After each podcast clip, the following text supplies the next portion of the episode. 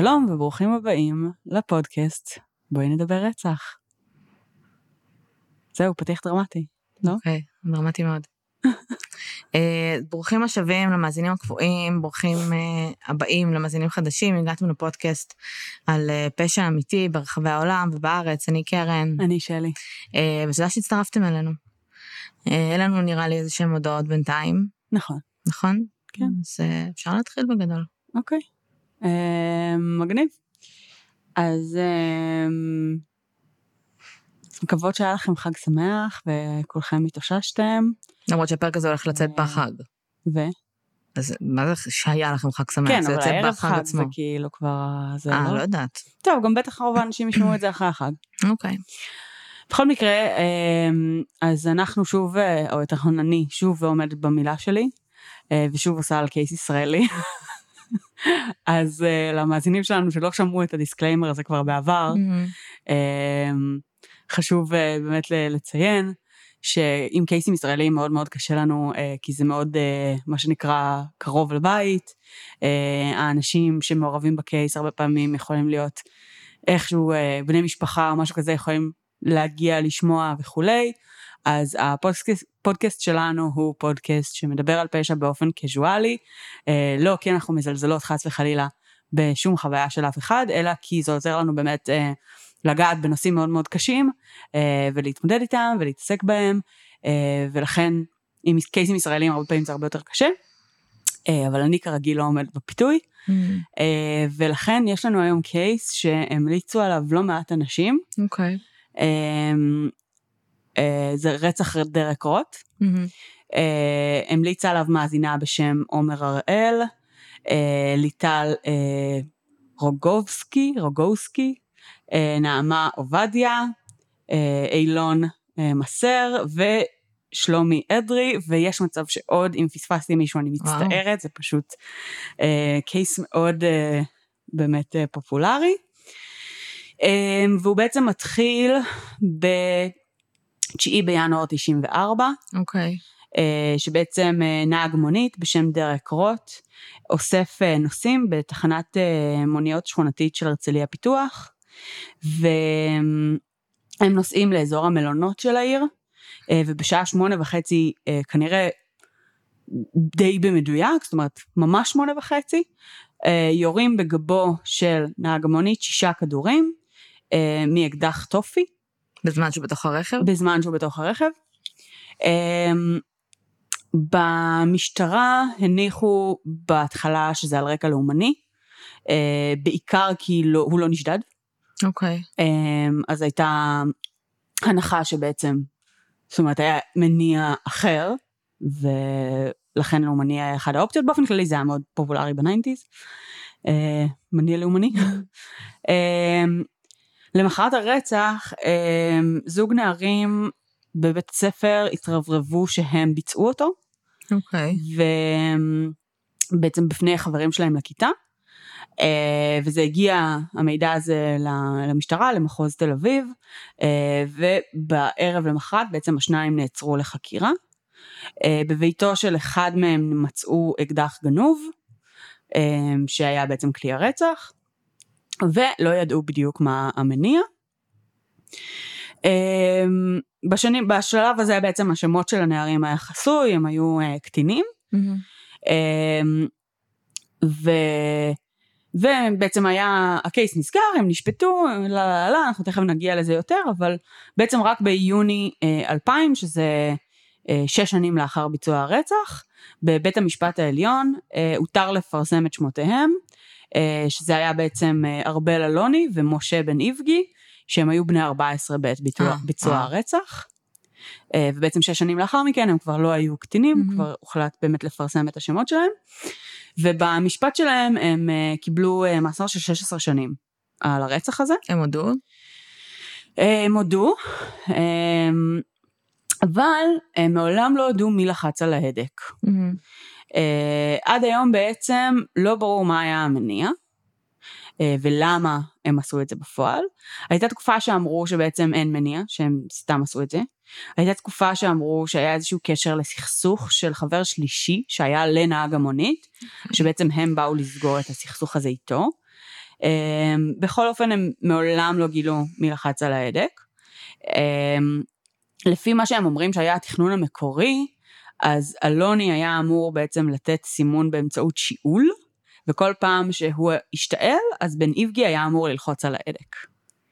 בכל אה, פעם שהוא השתעל? כן, וככה בעצם, זאת אומרת, מדובר על איקס יריות. אוקיי. אמ, אבל לא, זאת אומרת, זה מה שמתואר כאיזה מין תכנון טנטטיבי, וזה לאו דווקא מה שקרה בפועל, הם Mm. עד היום מסרבים להגיד שניהם מי לחץ על ההדק. אוקיי.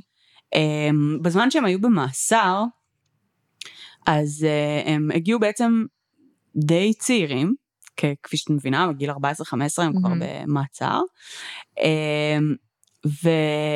והם אומרת, מגיעים לכלא, הם בסך הכל אה, הם שמים אותם באזורים שלהם, הם נכנסים אה, באיזשהו שלב לרוטציית חופשות וכל מיני דברים, זאת אומרת, של זכויות אסירים די. סטנדרטיים, כשאין שום סיבה לחשוב אחרת. אה, ובפברואר 98, שזה ארבע שנים לאחר הרצח, הם בני 18, הם יוצאים לחופשה שגרתית מהכלא, והם שניהם ביחד שודדים אה, מכולת בהרצליה, וגם פוצעים את המוכרת בדרך. הם היו באותו כלא? לא רק שהם היו באותו כלא, הם יצאו לחופשה באותו הזמן, ביחד. איך זה הגיוני? כאילו... שאלה נהדרת. רק אחרי בעצם ה- המקרה הזה, מחליטים להפריד ביניהם. מבינים שצריך זוג? להפריד ביניהם. מה? הם בני זוג? לא, הם חברים. אוקיי.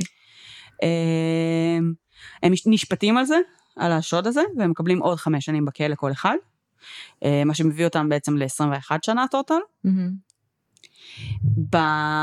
בתקופה הזאת היה איזו כתבת תחקיר שבוצעה, ובן איבגי בעצם אה, הביע חרטה על, אה, על ביצוע המעשה, והיה פרסומים שאולי אה, אלוני ניסה להתאבד בכלא. אה, זאת אומרת, איזושהי תקופה שהיא הייתה באמת טרנזישנל, בוא נגיד ככה, איזושהי תקופת שינוי לפחות נראה היה מהצד שלהם. אה, אולי איזושהי התבגרות, זאת אומרת, היו, עשו, עשו משהו לא בסדר, אחרי ארבע שנים כאילו עדיין הרגישו שהם, את יודעת, היו כזה, עדיין רצון לוונדליזם או משהו כזה, יצאו שוב, עשו שוב פשע, שוב קיבלו על הראש, ופה בעצם התחילו אולי ללמוד משהו. אמ, אבל בעצם בתקופה שהם הגיעו לכלא, אז אה, הם הגיעו נורא צעירים, והעובדה ששניהם לא היו מוכנים להגיד מי ירה על ההד, על ההד, על ה... זאת אומרת, מי, מי לחץ על ההדק, אה, מאוד עניינה כל מיני אנשים. ביניהם ראשי משפחות פשע, כל למה? מיני חבר'ה אחרים שבעצם גם היו מעורבים למשפחות פשע והיו בכלא, אוקיי. אה, שקצת רצו לגייס אותם אליהם. אוקיי. אה, כי הם הצליחו לשמור על אה, כי א', זאת אומרת, נאמנות? אה, הם היו מאוד נאמנים, אין ספק שהם לא מפחדים לעשות עבודה מלוכלכת, והם נראו פתאום אולי כמו איזה מין פרוטג'יי פוטנציאלי נורא Mhm. מעניין. אה, אז הם אה, עניינו הרבה מאוד אה, אנשים בעצם בארגונים, והיו כל מיני עדויות של אנשים שאמרו שזאת אומרת האנשים האלה היו משלמים להם על הקנטינה והאנשים האלה ביקשו שהחדר שלהם יהיה לידם וכל מיני כזה אנשים שבעצם מאוד מאוד ניסו לקרב אותם מהמם. אליהם. אמ, ו... ובעצם בשנת אה, 2000 אמ, בעקבות אה, בעצם אותו השוד שהיה ובעקבות אה, מידע מודיעיני אה, שבעצם רמז על איזשהו קשר של בן איבגי לכנופיות פשע ושהוא מתכנן לברוח אז בית, בית הסוהר אה, החליט לשלול לו את הזכות לחופשות. מהמם. אה, ואז בן איבגי בעצם אה, מערער לבית המשפט המחוזי. אה, בניסיון הראשון שלו הוא שולח מכתב לשופט והוא אה, אומר שהוא רוצה לצאת לחופשה כדי אה, להתייחד עם מי שהייתה הבת זוג שלו באותו הזמן, שדי מהר התברר שהיא בכלל לא הבת זוג שלו, וזאת אומרת התיק שלו לא כל כך צלח. אה, והבקשה שלו סורבה, והוא בעצם ממשיך לערער ולנסות, והוא פונה לתקשורת, הוא מכחיש בכוונתו להימלט. אמ, הוא, הוא אומר, זאת אומרת, שהוא לא, הוא לא מבקש קיצור עונש, והוא לא זה, הוא בסך הכל אמ, מעוניין באיזשהן זכויות בסיסיות שהן גם מותרות לו, מהמם. והוא מביע בעצם איזושהי רמה של חרטה על מה שהוא uh, עשה, הוא אומר כל דקה בכלא מגיעה לי, ברור שאני מחכה לשליש זאת אומרת שהמגיע לכל אחד, אמ, אבל עד אז עוד ייקח הרבה שנים, כאילו הוא בעצם כן מנסה mm. לפנות לרגשותיהם של הקהל. אה, הלחץ שהוא מפעיל גם דרך התקשורת באמת עובד, והשופט אה, פוסק שיש להתיר לו לצאת לחופשות. ובית המשפט, אה, בית הסוהר אומר בהפגנתיות שזה, שזה ממש מנוגד לעמדותיו והוא לא ממליץ. אה, ובמאי 2004, חמש שנים בעצם אחרי השוד וסך הכל עשר שנים מהרצח, אה, הוא בערך בן 24, וקצת אחרי שבעצם החזירו אותו לסבב החופשות, בזמן איזושהי חופשה שגרתית, הוא בורח מישראל. מפתיע. אה, ויש לו בעצם איזשהו דרכון מזויף שהוא כנראה השיג בזכות הקשרים שלו, הוא נוסע למקסיקו, שם הוא בעצם חובר לעבריין אחר, וואי, כמה עבריינים יש בטח במקסיקו? כי כאילו כולם בורחים לשם? לגמרי. כאילו כל המדינה מלאה בעבריינים שמנסים כן. אה, לחיות. אמ, לגמרי. אז בעצם אותו, אותו עבריין שני שגם הוא נמלט מישראל, חוברים ביחד ומתחילים לנדוד ביחד, ובאיזושהי נקודה הם מתמקמים בארגנטינה. אוקיי. אמ, והם כאילו סבבה להם, הם מתחילים לחיות ופשוט כאילו להיות שם. אה, ובאוקטובר 2004 פושטת אה, משטרת ארגנטינה על וילה בבואנוס איירס אה, שהם היו בה, הם נעצרים. למה? אני לא זוכרת בדיוק למה הפשיטה עצמה הייתה, אבל כנראה ש... זאת אומרת בגלל איזושהי פעילות פלילית שקרתה שם באזור בהקשר okay. הזה. Uh, מיד בעצם עם uh, פרסום עובדה של מי הם השניים שנעצרו, אז ביקשה מדינת ישראל uh, uh, הסגרה. ובגדול בין ישראל לארגנטינה אין הסכם הסגרה. אוקיי. Okay. אז, אה, אז זה בעצם היה איזושהי מערכת משפטית די מורכבת כדי לנסות לבקש את זה, זה הרבה פעמים לוקח הרבה זמן, זה מאוד מתיש. אה, ובמקור הארגנטינאים אומרים אוקיי סבבה אין בעיה עבריין ישראלי וזה קחו אותו אנחנו לא צריכים אותו. אבל אז בעצם אה, ישראל עושה כמה פדיחות. מה? היא כאילו אמ, יש לה פרק זמן מסוים שבו היא אמורה להגיב להצעה ולהגיד אני מסכימה או לא מסכימה. Mm-hmm. והיא קצת מתמהמת, היא לא בדיוק אה, מגיבה בזמן, ובינתיים הארגנטינאים אה, מגלים שבעצם הפשע שעליו הוא מורשע זה רצח שהוא ביצע כשהוא היה בן 14, mm-hmm. בעוד שגיל האחריות הפלילית בארגנטינה הוא 16. Mm-hmm. אה, ואז הם באים ואומרים, בעצם וואלה, אנחנו לא מוכנים להסגיר אתכם על הפשע הזה, כי אצלנו אה, הוא לא היה נשפט על זה. Mm-hmm. אה, אז בעצם מה שקורה זה שהם מסכימים להסגיר אותו על, אה, על עבירת השוד, ולא על עבירת הרצח, והם אה, גם שמים תנאים ש... זאת אומרת, מדינת ישראל לא תוכל לשפוט אותו ולהעריך לו ולעשות שום דבר מעבר שקשור בעצם לעבירת הרצח ורק לעבירת שוד ו- והבריחה. Mm-hmm. גם כאן ישראל קצת אה, לא עומדת בזמנים של 30 יום שהיא אמורה להגיב, אמ, ועד שהיא בוחרת להגיב אז בעצם ההצעה כבר סוג של יורדת מהשולחן, בקיצור, מרץ 2007 ארגנטינה משחררת את בניבי. חזרה. כן. אמ, לך תחיה, הכל סבבה וזה. אמ, ואז בעצם הוא מבלה אה, כמה ימים אה, באוויר הפתוח, והוא נעצר שוב אה, בגלל ערעור שישראל מגישה. אמ, והוא בעצם הגיע להסכם שהוא ישוחרר, אבל אחת ל-20 יום הוא יתייצב בבית המשפט, ובעצם... בארגנטינה? כן, בארגנטינה, ובעצם עד לתום תהליכים מול מדינת ישראל, שהוא יהיה איתם במעקב. Mm-hmm. ואז הם ממשיכים בעצם, כל הדיון הזה ממשיך, זה לוקח זמן, זה המון המון המון כספים שמושקעים בזה, אנשים, שמו, mm-hmm. זאת אומרת, אנשי עבוד, שעות עבודה שמושקעות בזה. אמ, וב-10 ליוני 2009 מדווח שבן איבגי נמלט מארגנטינה. אה, מפתיע, נכון? מאוד. ועד עכשיו הוא היה כל כך אמין בדברים שלו. לגמרי, למה כאילו. שהוא לא יבוא כל 20 יום להתייצב במשטרה? אז uh, כמה חודשים הוא מצליח בעצם לברוח עד uh, מאי 2010, ואז הם תופסים אותו. Uh, הוא עדיין בארגנטינה, או שוב, כי היה בעצם איזשהו שלב שאמרו שהוא בכלל לא בארגנטינה, שהוא יצא מארגנטינה. אוקיי. אז הם מוציאים אותו בארגנטינה, והם אוסרים אותו. אמ, ובעצם אה, נובמבר, עוד חודש אחר כך, אה, בעצם מתבצעת רשמית ההסגרה לישראל.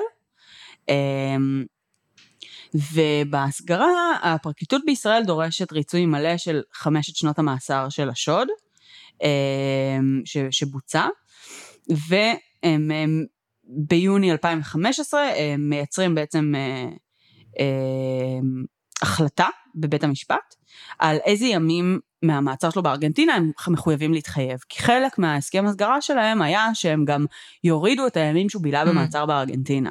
אוקיי. אמ, שזה היה כזה פה ושם לסירוגין בכל מיני פעמים וזה. אה, עכשיו, במקור הוא היה 1,553 ימים במעצר בארגנטינה, אה, וואו. אה, שזה לא מעט. עכשיו, זה גם על פשעים שהוא עשה שם, זאת אומרת, כן. על הפעילות הפלילית הזו שעל פיה אה, באו וכאילו פשטו לו אותו בית וכל מיני דברים כאלה, וגם על הזמנים שהוא היה בעצם במעצר עד ההסגרה, שזה הרבה פחות, זה איזה 30 יום.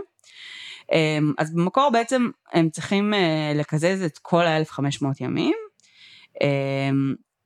אה, סליחה, במקור הם, רוצים לקזז רק את הימים של ההסגרה, שזה איזה 30 יום, מהמם. הם מפסידים, והם צריכים לקזז את כל ה-1500 ימים, מה שאומר שבעצם הם משחררים אותו מהכלא ב-19 לאוגוסט של אותה השנה. ובעצם ההסגרה הייתה אמ, ביוני. אוקיי. זאת אומרת, הם החזירו אותו לישראל רק בשביל שהוא יושב בכלא עוד חודש וחצי.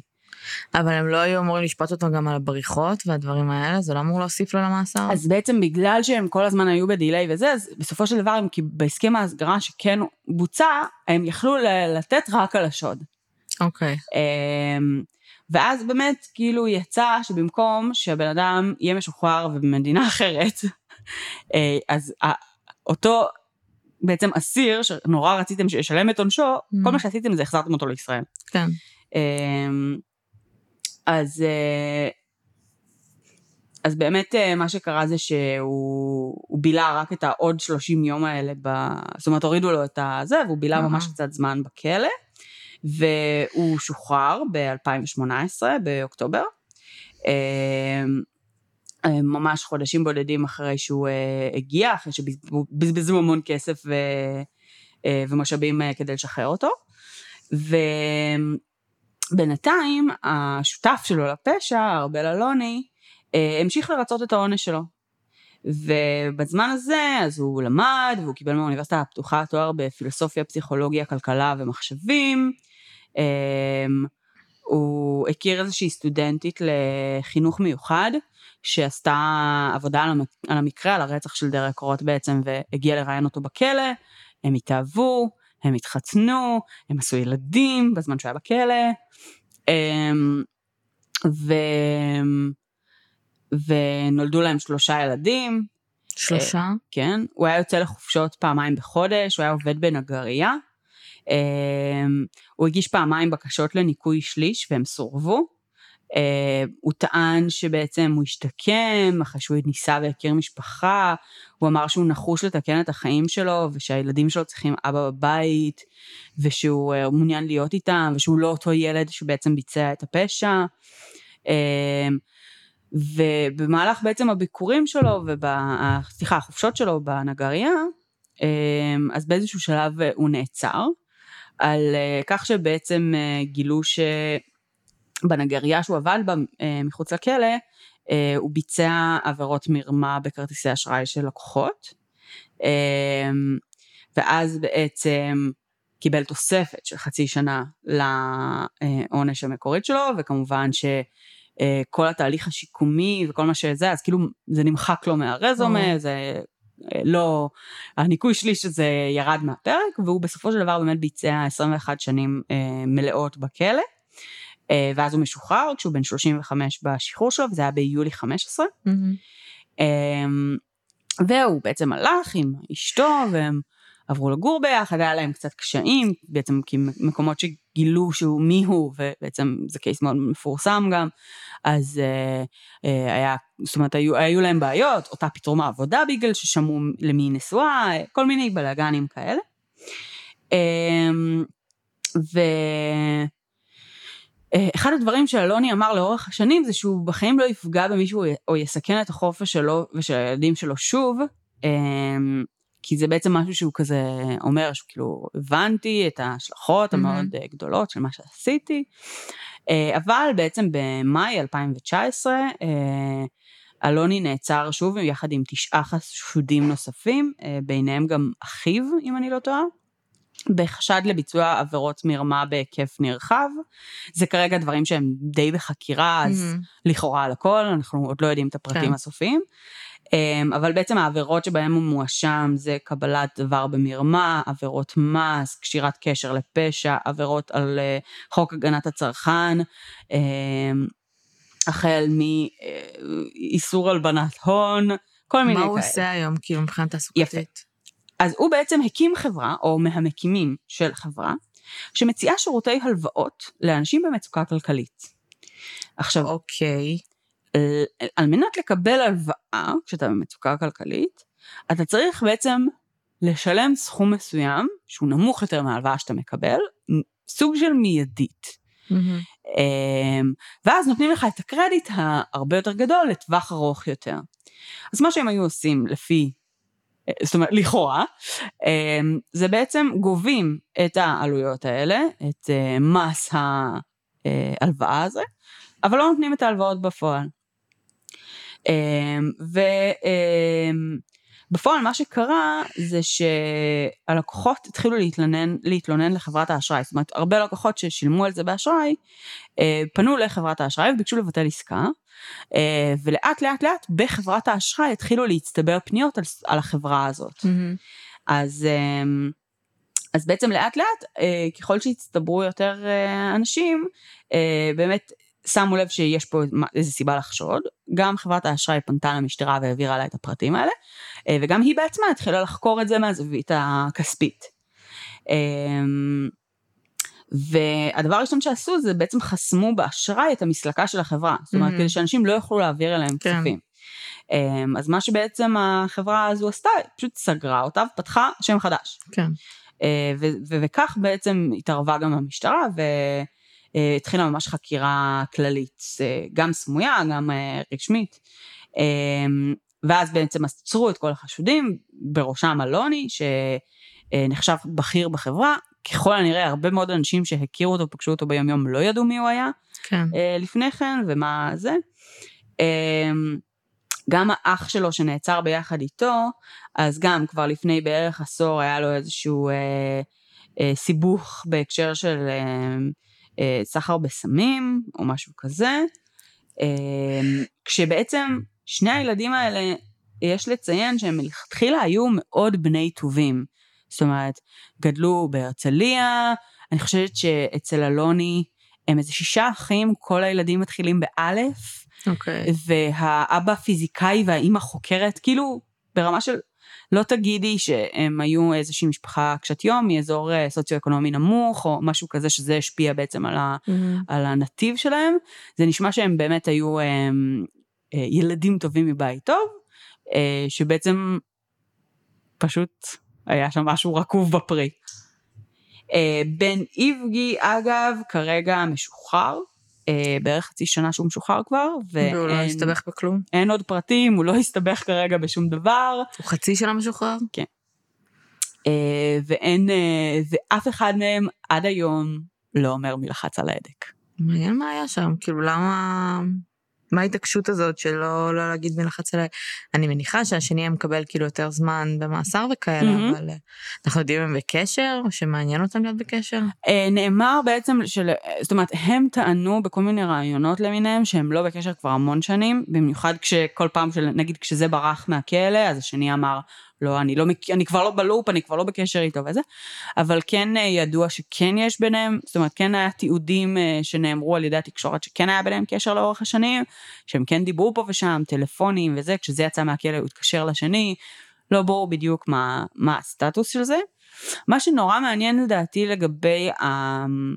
כאילו הרצח של נהג מונית עצמו, אה, ייתכן שהוא באמת היה רצח אקראי של שני ילדים שהחליטו שני ילדים שוממים בני 14. כן, אמ, אבל בגלל שכאילו בעצם כל הקונטקסט של הפוטנציאל ומשפחות הפשע וזה, אז זה אפילו נשמע לי לפעמים, טוב זה כבר כאילו ספקולציה מוחלטת, אבל קצת כמו מבחן חניכה. אה, יכול להיות, אבל בגיל 14 מי ייקח ילדים בני 14? מי יסמוך עליהם? זה נראה, יש את ה... יש סרט אה, עלילתי שבוצע על המקרה, שלא ראיתי את קולו, האמת, mm-hmm. אה, נקרא באז. אוקיי. Okay. Um, ראיתי אותו בחלקו, הוא כאילו מבוסס לוסלי על המקרה, ואחד הדברים העיקריים שמאוד מאוד מאוד חזק um, מועברים בסרט ב, בחלק הראשון שלו, זה בעצם את העובדה ששני הילדים האלה הם trouble makers, mm-hmm. uh, וכולם יודעים את זה. ברמה של קצין מבחן שמעורב עם הבית ספר וזה, זאת אומרת כולם יודעים שהם... שניהם ספציפית? כן, שהם ביחד trouble makers, הם מחפשים לעשות בעיות, הבעיות האלה הרבה פעמים גובלות בפלילים, uh, לצורך העניין בסרט מציגים את זה שהם שדדו את המכולת של הבית ספר כזה, uh, אז יש כל מיני דברים כאלה שאני לא יודעת על כמה זה מבוסס, כי גם בגלל שהם היו קטינים אז כל המידע מהמשפט ומטה, uh, לא הצלחתי למצוא אותו. אני מניחה שבאמת היה, הייתה מודעות אליהם. אז mm-hmm. לכן אני אומרת שכאילו, אם באמת מסביב כבר אנשים התחילו להכיר את השמות שלהם ולהכיר את הזה, אז באמת אה, אני יכולה לדמיין סיטואציה שבה הם פוגשים ב... אה, זאת אומרת, אה, דור מבוגר יותר של אנשים שעוסקים בפלילים, ואלה רואים שם איזשהו פוטנציאל. כן, אבל כאילו הם עושים להם מבחן חניכה ויום אחרי הם מתרבררים עם זה בבית ספר, זה כאילו... הם עדיין בני 14. בדיוק. כן. כאילו, לגמרי. אם אתה מגיע למצב שיש לך מבחן חניכה, אני לא חושבת שאתה תהיה מספיק טיפש בשביל... מצד שני, הם היו מספיק חכמים בשביל לדעת לא להגיד מי לחץ על ההדק. לא בטוחה שזה עניין של חכמים. למה? כי אולי חכם מי שאכן לחץ על ההדק. מי שלא לחץ על ההדק זה לא היה מוב חכם. למה? הם שניהם בסופו של דבר, זה קצת כמו... אה, לא, כי אם אני לא לחצתי על ההדק והבן אדם השני לחץ, זה משמעותית יוריד לי את תקופת המאסר, זה לא היה חכם. זה היה נאמנות, זה היה כאילו הרבה דברים, אבל חכם זה לא היה, מבחינה פרקטית. יש, אה, נראה לי בתורת המשחקים, יש את כל הקונטנט הזה של כאילו, אם אתה, אם, אם מישהו אומר על מישהו כן. וזה, אז בסופו של דבר, כאילו, זה תמיד הכי רווחי שאף אחד לא יגיד כלום. אה, בכללי, כאילו. כן, אבל תורת המשחקים מבוססת על הימורים. נכון. פה יש לך בן אדם שלחץ על ההדק, בן אדם שלא לחץ. נכון. אני אומרת, בשביל הבן אדם שלחץ על ההדק, ברור שזה חכם לא להגיד כלום. כן. מי שלא לחץ על ההדק, אני לא יודעת מאיזה מינים זה, זה ולכן... יכול להיות נאמנות, יכול להיות... יפה, uh... ולכן אני חושבת שילד בן 14 לאו דווקא היה חושב על זה לבד. על להגיד, כאילו, תגידו שניכם שלא לחצתם על ההגה. אז יכול להיות שזה מישהו שאמר להם את זה בשלב מאוד מאוד מוקדם בחקירות. לא יודעת. יכול להיות. אה, עורך דין, או זה, לא יודעת מה, והם אה, היו מספיק אה, לא יודעת, כאילו, ממושמעים או יציבים או וואטאבר. הם שניהם טענו שהם לא לחצו על ההדק או שהם... הם שניהם אמרו שזה לא משנה מי לחץ על ההדק. אה. שזה לא אה, משנה? כן, שהם נושאים באחריות זהה. זאת אומרת, זה מה שהם, שוב, הכל כמובן משנים יותר מאוחרות, כי בשנים של המשפט עצמו אני לא יודעת מה הם אמרו, אבל משנים יותר מאוחרות, עד היום שואלים אותם ברעיונות מי לחץ על ההדק, הם אומרים, זה לא משנה, אנחנו נושאים באחריות באופן זהה. אמ, עכשיו זה מצחיק, כי בעצם ברור שמי שלחץ על ההדק היה מקבל יותר זמן בכלא, ומי נכון. שלא לחץ על ההדק היה מקבל הרבה הרבה פחות, במיוחד על שיתוף הפעולה. אז למה שילד בן 14 יבחר שלא להגיד את זה? בחקירה משטרתית. אני יכולה לחשוב שם... שאולי בהתחלה זה דווקא הגיע, הגיע בקטע של כאילו, בעיקר כי הם התרברבו בבית ספר, נשמע כאילו הם קצת שני, אני לא אגיד, יש להם בעיות מצפ... חוסר מצפון אולי. Uh-huh. אם גם בגיל 14 אתה מתרברב על זה כן. שרצחת מישהו אולי לפני. אבל יכול להיות שזה גם היה בקטע של כאילו, וואלה, גם אם לא לחצתי על הדק, זה מגניב שיחשבו שלחצתי על הדק. Mm-hmm, יכול להיות. תראי, הרי אם אנחנו חוזרות רגע לבעיות חוסר אמפתיה, אז פסיכופתיה הרי לא, לא מאבחנים לפני גיל 18. ממש ניסיתי לא לקרוא להם פסיכופתים, כי זה לא, אנשים שקיימים בחיים זה מה שאני אומרת. פסיכופתיה בכלל, בכלל לא, לא מאפיינים לפני גיל 18. זאת אומרת, הם היו קטינים, וה... ההנחיה, כאילו, וההגדרה של, אה, אה, פסיכולוגיה והפרעות אישיות וכל מיני כאלה, זה בעצם דברים שבגיל הזה הם בכלל לא רלוונטיים. זאת אומרת, נכון, אבל זה לא רלוונטי כשאנחנו צופים בהתנהגות שהיא קצת מטרידה של בני Mhm. נוער, אה, שמישהו שהוא סופר אגוצנטרי, וסו... כשמישהו רוצח, כשילד רוצח, mm-hmm, לוקח חיים של מישהו, mm-hmm. ומראה אפס חרטה, אז זה לא נראה לי, אוקיי, הוא teenager. זה נראה לי כבר קצת מעבר. את צודקת, עם זאת, המורכבות הרגשית של בני נוער, ועד שהיא מתגבשת בצורה מלאה, אה, היא הסיבה לכך שלא מאפיינים לפני גיל מסוים. אוקיי. אז יכול מאוד להיות שבעצם אתה לא מרגיש חרטה, כי אתה עוד לא פיתחת את היכולת הרגשית הזאת, וזה לאו דווקא אומר שאתה לא תפתח אותה בהמשך. אמ, וזה מחזיר אותי קצת לנושא של האחריות הפלילית. מהמם. כאילו, הם קיבלו 16 שנה בכלא. הם היו בני 14. שוב, אנחנו נראה לי דיברנו על זה באיזשהו פרק, אבל... דיברנו על זה בהרבה אה, פרקים. כאילו, זה שאתה, המוח שלך עדיין לא... קודם כל, זה לא נשמע לי הגיוני בשום צורה. אני לא ביולוגית ולא זה, אבל נשמע לי הגיוני בשום צורה, שילד בן 14, עוד לא הת- התפתח לו בכלל המנגנון של הבעת חרטה. אוקיי. אתה בן ארבע, אני זוכרת, זה לא הגיוני. אוקיי. כאילו, תשמעי, לא ברמה הזאת לפחות. לא חסר לך אנשים שהם בוליז, סבבה. והם מתעללים בחברים בגיל הזה, והם הם לא מבינים את זה לעומק עד גיל הרבה יותר מאוחר. בגיל מאוחר יותר הם מבינים, הם מביעים חרטה, הם מסוגלים להרגיש את הרגשות האלה, זה לאו דווקא אומר שהם פסיכופטים. זה לא אומר שהם פסיכופטים, אבל בוליז הרבה פעמים זה איזשהו צורך שלהם, וזה הרבה פעמים הדחקה, זה לא כי... כאילו, את אומרת, הבן אדם לא... כאילו עכשיו ילד אה, עד גיל 14, סתם, כאילו, כן? מהמם. יכול ללכת להרוג חתולים, מהמם. ולא להרגיש חרטה. זה... אני חושבת שזה יכול לקרות, אני חושבת שזה, לא ברור חושבת שזה שזה קצת קיצוני, כזאת. ברור שזה קצת קיצוני, ושאם משהו כזה קורה, אז צריך להתייחס למצב הזה ולטפל בו. אה, וגם אם אתה לא מרגיש חרטה, בסדר, במקרה הכי גרוע, מהמם. אתה יודע את ההבדל בין... רע לטוב. to wrong. זה אה, נכון. תשמעי, אני לא מכירה את הסיפור שלהם, אני לא מכירה גם את הרקע. אה, אבל זה כאילו, זה נשמע שזה שני ילדים שהיה להם הכל, נכון. והיו משועממים, נכון. וניסו לבחון גבולות. וכשהם בחנו את כל הגבולות שהם יכולים לבנו- לבחון בתוך הבית שלהם, הם יצאו ובחנו אותם בחוץ, נכון. והרגישו שהם undistractable ואני לא יודעת. והגיעו למצבים האלה, זה מאוד קל, כאילו, בני הטובים, בני הטובים, אבל הרבה פעמים זה. אנשים שיש להם הכל, ופשוט משעמם להם. נכון, לגמרי. זה לא פוטר אותם מזה, תשמעי, בסוף, יכול להיות שאם זה היה סתם ילדים בני 14, הייתי גם מגיבה אחרת, כי זה עניין של נסיבות. מהמם. אבל בסוף זה ש- שני חבר'ה מאוד מחושבים. אמ, זה לא שזה היה כאילו one hit, הם, הם סופר מתחרטים, הכל, לא, הם, הם המשיכו הם להיות גם פושעים. המשיכו לפשוע, לפשוע, בדיוק. זאת אומרת, העובדה ש... לא היה שם שום שינוי התנהגותי בשום ש- צורה. עכשיו תראי, השוד הראשון היה ב... זאת אומרת, העובדה שלא הפרידו ביניהם ברגע שהם הגיעו לכלא, זה הזוי בעיניי. אמ, אז בגלל שהם ממשיכים לקבל את מה שהם רוצים, כאילו, כאלה גם שלהם עושים ה playground שלהם, מגניב, יוצאים לחופשות ביחד, בואו נמשיך לעשות כן. שטויות ביחד, כי אכפת הם. המשיכו לעשות שטויות ביחד, בדיוק, אז הם גם שדדו מכולת על הדרך. כאילו, שטויות, כן, זה, זה פלילי לגמרי. כן, כן. אה, זאת אומרת, אני, אני מדמיינת שהם ראו את זה בעיני רוחם ככאילו, כן. כשטויות ו fun, אבל בפועל העולם החיצון רואה את זה כפלילים. אמ, אבל מצד שני, מהרגע שכן הפרידו ביניהם, ומאחרי השוד בעצם, שתכלס הם בני 18 כן. בשלב הזה, אה, ו- והעובדה שהם מתחילים להביע חרטה, ובשנים שאחרי זה הם נראה שהם מאוד מתיישרים. אמ, ועוברים תהליך של שיקום בכלא, ומקימים משפחות, וכאילו, אז כן, יש איזושהי תחושה של, אוקיי, משהו פה, זאת אומרת, איזושהי בגרות הגיעה, ו, אה, וכאנשים בוגרים, עכשיו אתם יכולים לעשות החלטות שונות. מצד שני, הם עדיין בכלא, נכון. הם עדיין בכלא לעוד הרבה מאוד זמן, והסביבה שלהם מעודדת אותם. הסביבה שלהם אומרת, מה שאתה עשית זה טוב, אני רוצה שתבוא לעשות את זה אצלי, נכון. ואין לך שום כישורי חיים אחרים.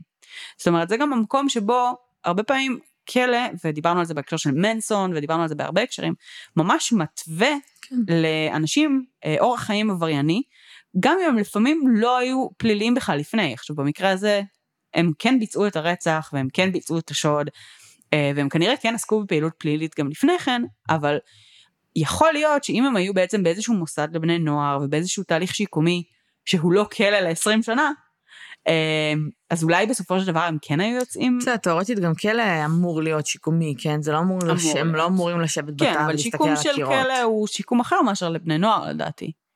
אני מניחה, אה, הם, שוב, הם כן אמורים לעבור שם טיפול, הם כן Mhm. אמורים לעבור שם כאילו אה, משהו. כן, זה לא אמור להיות לשבת ולבהות בקירות ולחכות שזה. אה, אני גם לא מבינה את הפואנטה של כלא, אם כל כך מהר אנשים מקבלים כאילו חופשות ו... למה? כאילו, תמתינו רגע. עובדה שאנשים שמשתחררים מהכלא בסופו של דבר גם כן. צריכים לבקר אצל קצין מבחן, צריכים להיות במעקב, צריך לראות שהם איכשהו מסתגלים לחיים. אני חושבת שהחופשות, אה, מעבר לזה שאני חושבת שזה קצת כאילו, זה קצת overkill, כמות החופשות של כאילו, שאתה כן. יוצא ויש לך עבודה בחוץ ויש לך משפחה, כאילו הם זה היו כל... מאוד מקושרים, כאילו, כן. זה נשמע כאילו גם ההורים שלהם היו, ההורים שלהם עמדו מאחוריהם כאילו כל הזמן. אני לא יודעת. אמ, אבל מצד שני זה כאילו מנסה מאוד לחבר אותם לעולם שבחוץ, שזה דווקא טוב, זאת אומרת, לדעתי זה מנסה מאוד... מה, דווקא- הדרגתית כאילו? כן. זאת אומרת, של- שכשאתה תצא מהכלא, אז באמת תהיה לך עבודה, ויהיה לך skill שיש לו, שאתה יכול לעשות איתו משהו, ותהיה לך משפחה שלא תרצה לאכזב. זה שיקום. כאילו, זה בעצם לייצר לאנשים עוגנים בחיים האמיתיים שמחוץ לכלא. אה, מצד שני, העובדה שזה קורה, אז בעצם קצת, כאילו יש קצת, משהו פה לא, לא יושב טוב, כי מה המטרה של כלא בסופו של דבר? כאילו, נכון. האם זה פרי רנט? לא, אני מבינה לקחת נגיד שליש אחרון של מאסר, ואז לעשות חופשות ולעשות את זה יותר כן. כאילו זה. מצד שני, אבל- כדי לנקות שליש, אתה רוצה לדעת שאסיר מסוים הוא, זאת אומרת, מסוגל לעמוד במילה שלו ולהיות לאורך זמן. אז מה, תתחיל לבדוק את זה רק בשליש האחרון? או שתיתן לו אבל אתה הזדמנות יכול לעשות את זה מלפני? גם, יש לך עבודות בכלא, ויש לך התנהגות טובה בכלא, ויש לך לא לברוח מהכלא שמונה פעמים. יש הרבה למשל. דברים בסיסיים שאפשר לעשות בשביל לנקות שליש. כן. ויש הבעת חרטה בכל מיני דרכים וטיפולים שאתה מוכן לקחת לעצמך, כי בכלא יש כל מיני, אה, אם זה טיפולים אה, קבוצתיים או אישיים, שיש, שאתה יכול לא Mhm. לשתף, אתה יכול כן לשתף. נכון. בשביל להמשיך, והוא, הרי בסופו של דבר, אלוני, זה שעבד בנגרייה, מהמם. אה, אם הוא לא היה מקבל חופשים, יכול מאוד להיות שהיו אומרים לו כאילו, סבבה, בוא ננקה לך שליש, כי אתה כזה ילד טוב ועשית תואר והכל בסדר. מהמם. רק העובדה שהוא היה בחופשים האלה, הם עלו על זה שהוא בכלל, כאילו, עושה כן. פשעים בזמן, ב- ב- כן, פעם בשבועיים שהוא בחוץ. כן, גם בוא, כאילו, אם אתה פעם בשבועיים מחוץ לכלא עובד בנגריה, תהיה בטוח שעוקבים אחריך. כן, גם העסק מה הזה, חשבת לעצמך? זה העסק שהכי קל ליפול בו בעולם, אני לא מבינה כאילו את ההיגיון של ה... מה, של ההלוואות? ברור שיעלו עליכם. ברור שיעלו עליכם די מהר. ברור אה, שאנשים יעשו רעש, אתם גונבים כסף, זה literally מה שאתם עושים. מה חשבת שיקרה? וואלה, אין לי מושג מה הם חשבו לעצמם. אה, הבנתי ששניהם, לא רק, כאילו, גם אלוני וגם השני, שניהם פנו לבעצם כל מיני עסקים פיננסיים, נגיד אה, בן איבגי בארגנטינה, אז הוא עבד ב... גם משהו שקשור ל change או לא זוכרת מה בדיוק, אבל גם, כאילו, שניהם פנו בעצם לעסקים פיננסיים כאלה או אחרים. אה,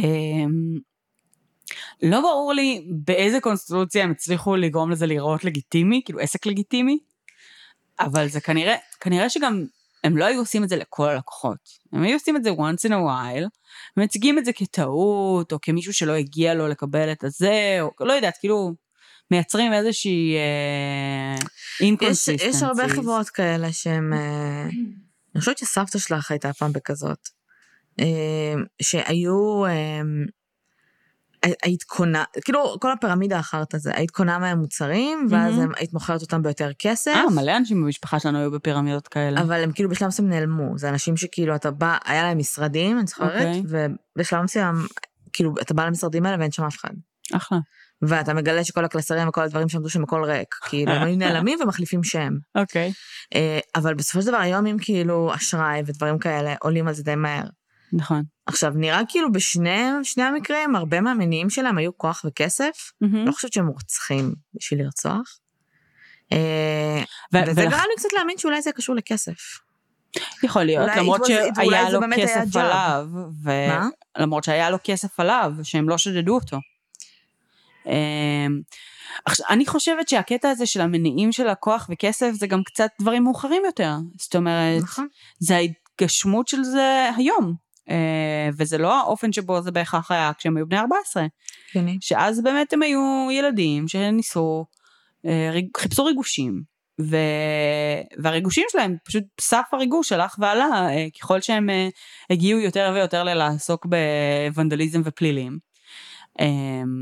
אה, ואני חושבת שכאילו להפוך לאנשי הונאה, זה משהו שהם קצת למדו בכלא. כן ברור. אבל יש דברים שזה גם כאילו מאוד קשה ללמוד. הרמה, תשמעי, החיים של לא אלוני השני, מה, עם נשמע, הבריחה לארגנטינה? כן, נשמע, באמת נשמע כאילו, וואחד אה, הרפתקה, כאילו, נשמע מגניב, באמת. מהמם. אה, אתה צריך להיות מאוד חכם בשביל לעשות את זה, אתה צריך להיות, לא יודעת, העובדה שהיה לו מזל מאלוהים, שאני לא מבינה איך עכשיו כל רוצח שהוא כאילו רצח מתחת לגיל 16, לא בורח לארגנטינה, מהמם. כי זה גאוני. בסדר, מבטלים לך הרבה. קשרים בשביל לעשות את זה. כן, אבל זה פשוט... בשביל לה- להשיג דרכון מזויף, בשביל לתאם שישיגנו לך כרטיס טיסה על אוקיי, אז התאריך הזה. עסק על זה. של שמבריח רוצחים מתחת לגיל 16 לארגנטינה. העובדה שהוא הגיע, אני לא יודעת אם זה במקרה, או שבכוונה הגיע לארגנטינה, מהמם. העובדה שהוא מצא לו שותף כל כך מהר, אני הוא נשמע שהוא מסתגל היטב לשינויים. זה נשמע שבעצם אותם האנשים שדאגו לו לדרכון מזויף ולכרטיס טיסה לארגנטינה, הם גם אלה שמצאו לו את הבן כן. אדם שהולך לקחת אותו יד ביד ו, אה, ולעזור לו, אה, שזה גם היה בחור שנמלט מישראל. בוודאי. אה, וכן, זה... אכן, זה בהחלט נשמע כאילו אה, הוא הכיר את האנשים הנכונים והם עזרו לו בסיטואציה בצורה מאוד אה, מדויקת. אה, אין לי מושג כאילו מה... אני, סופר מעניין אותי לדעת מה, מה הנשים שלהן אה, חושבות על זה, כי... או מה הם ידעו מזה. או מה, אני לא יודעת אם הם ידעו מזה בכלל, אבל אם כן זה גם מעניין. אבל אה, זה באמת... כן, זה לא אה, מוזר שבעלך שהוא אסיר משוחרר, פתאום מביא מלא כסף הביתה, ואת כזה, מה זה מהמפעל? לא, אם הוא הקים עסק והעסק מצליח, למה שתחשדי בו, אם את מאמינה בבן זוג שלך? אה, בסדר, לא יודעת. אשתו של אלוני גננת, אם אני לא טועה. זאת אומרת, כאילו, היא למדה חינוך, לא יודעת, היא לא נשמעת לי כמו בן אדם שישאף לעסוק בפלילים. אה, ו... אז זהו, זה, אז, כאילו, אין לי מושג כמה אחוז מזה באמת הנשים שלהם היו מודעות לקיום, ואם זה בכלל, כי אנחנו רגע, עדיין בעצם בלכאורה מי- עם מי בעצם. השני התחתן? גם היה נראה לי אה, מתי זה היה? שהוא במהלך חזר מארגנטינה? לא בטוחה, ייתכן שאפילו לפני, אני לא יודעת. אוקיי. אני אה, שם לא, לא עקבתי כל כך אה, בטיימליין. אבל אה, תראי, גם אלוני בעצם, כשהוא יצא מהכלא, המשפחה שלו מאוד מאוד ניסתה לעודד אותו לעזוב את הארץ. אה, כי, כן, הגיוני. כי החיים פה עכשיו יהיו לך נורא קשים. אה, יש לו פה בד ראפ, כאילו. כן, פעם ראשונה שהם ניסו לסחור אה, דירה, הם הגיעו, happy happy family, הוא אשתו, שלושה ילדים, הבעל דירה נורא התלהב מהם, חתמו וזה, יום, והוא הציג את עצמו. בשם פרטי אחר. כאילו, הוא. עדיין אלוני, אבל משהו קצת אחר. אה, ואז הוא גילה, הבעל דירה, את השם האמיתי שלו, והוא אמר לו ביי. אה, והם כאילו נחוו מזה, ואז הם היו צריכים לחפש דירה אחרת. זה, כאילו זה פשוט הופך את החיים להרבה יותר קשים כשאתה אה, פושע משוחרר ב, כן, ברור. אה, במדינה מסוימת, וזה הרבה יותר קל אם יש לך כבר אנשים בחו"ל ויכולים ל- לעזור לך, להקים שם בית. איזה אנשים? כנראה שיש להם חברים בארגנטינה ובעוד כל מיני בסדר, מקומות. אבל זה אומר שהוא בהכרח הולך ל- לחיים של פשיעה בחו"ל. תראה, לא המשפחה שלו, אני לא חושבת אה, עודדה אותו לחיים של פשיעה, אני חושבת שהם לא. סתם עודדו אותו פשוט לעזוב את הארץ, אה, לרדת מהארץ, אבל, אה, אבל כאילו, אם יש לך היכרויות כאלה ואחרות, אז אז כרגע הוא נמצא בחקירה? הוגש נגדו כתב אישום? כרגע, לדעתי זה, ב, הם במעצר, בחקירה, עוד לא הוגש לדעתי כתב אישום. אנחנו נשאר, אה, נתעדכן בהמשך עם זה לדעתי. טוב. אה, זה עוד לא, כאילו נראה לאן זה יתפתח, כל הסיפור הזה בכלל אה, לא, לא ברור עדיין איפה הוא עומד. וגם על סמך מה, זאת אומרת, אני מניחה שכדי להגיד שאלוני היה מעורב, הם צריכים להוכיח שהוא בעצמו ידע על זה, ודחף לזה, ו... ובשביל להוכיח את הדברים האלה, בעצם על זה הם ישפטו אותו כן. באופן אישי. אז uh, יהיה מעניין. טוב. משהו שאת רוצה. להוסיף? לא. סבבה. Uh, טוב, חברים, אז תודה שהייתם איתנו. Uh, שיהיה לכם חג שמח ושבוע טוב. Uh, אנחנו uh, מזכירות uh, למי שלא יודע, יש לנו קבוצה, uh, בואו נדבר רצח ופשע אמיתי. Uh, כך שאם אתם עוקבים אחרינו בעמוד פייסבוק, אתם יכולים להיכנס גם לקבוצה, כי יש ככה מתפתחים שם דיונים גם על אה, קייסים מהפרקים וגם באופן כללי. אה, עוד משהו? זהו, אה, תודה רבה שהאזנתם, אה, ונתראה בפרק הבא. תודה. ביי. ביי.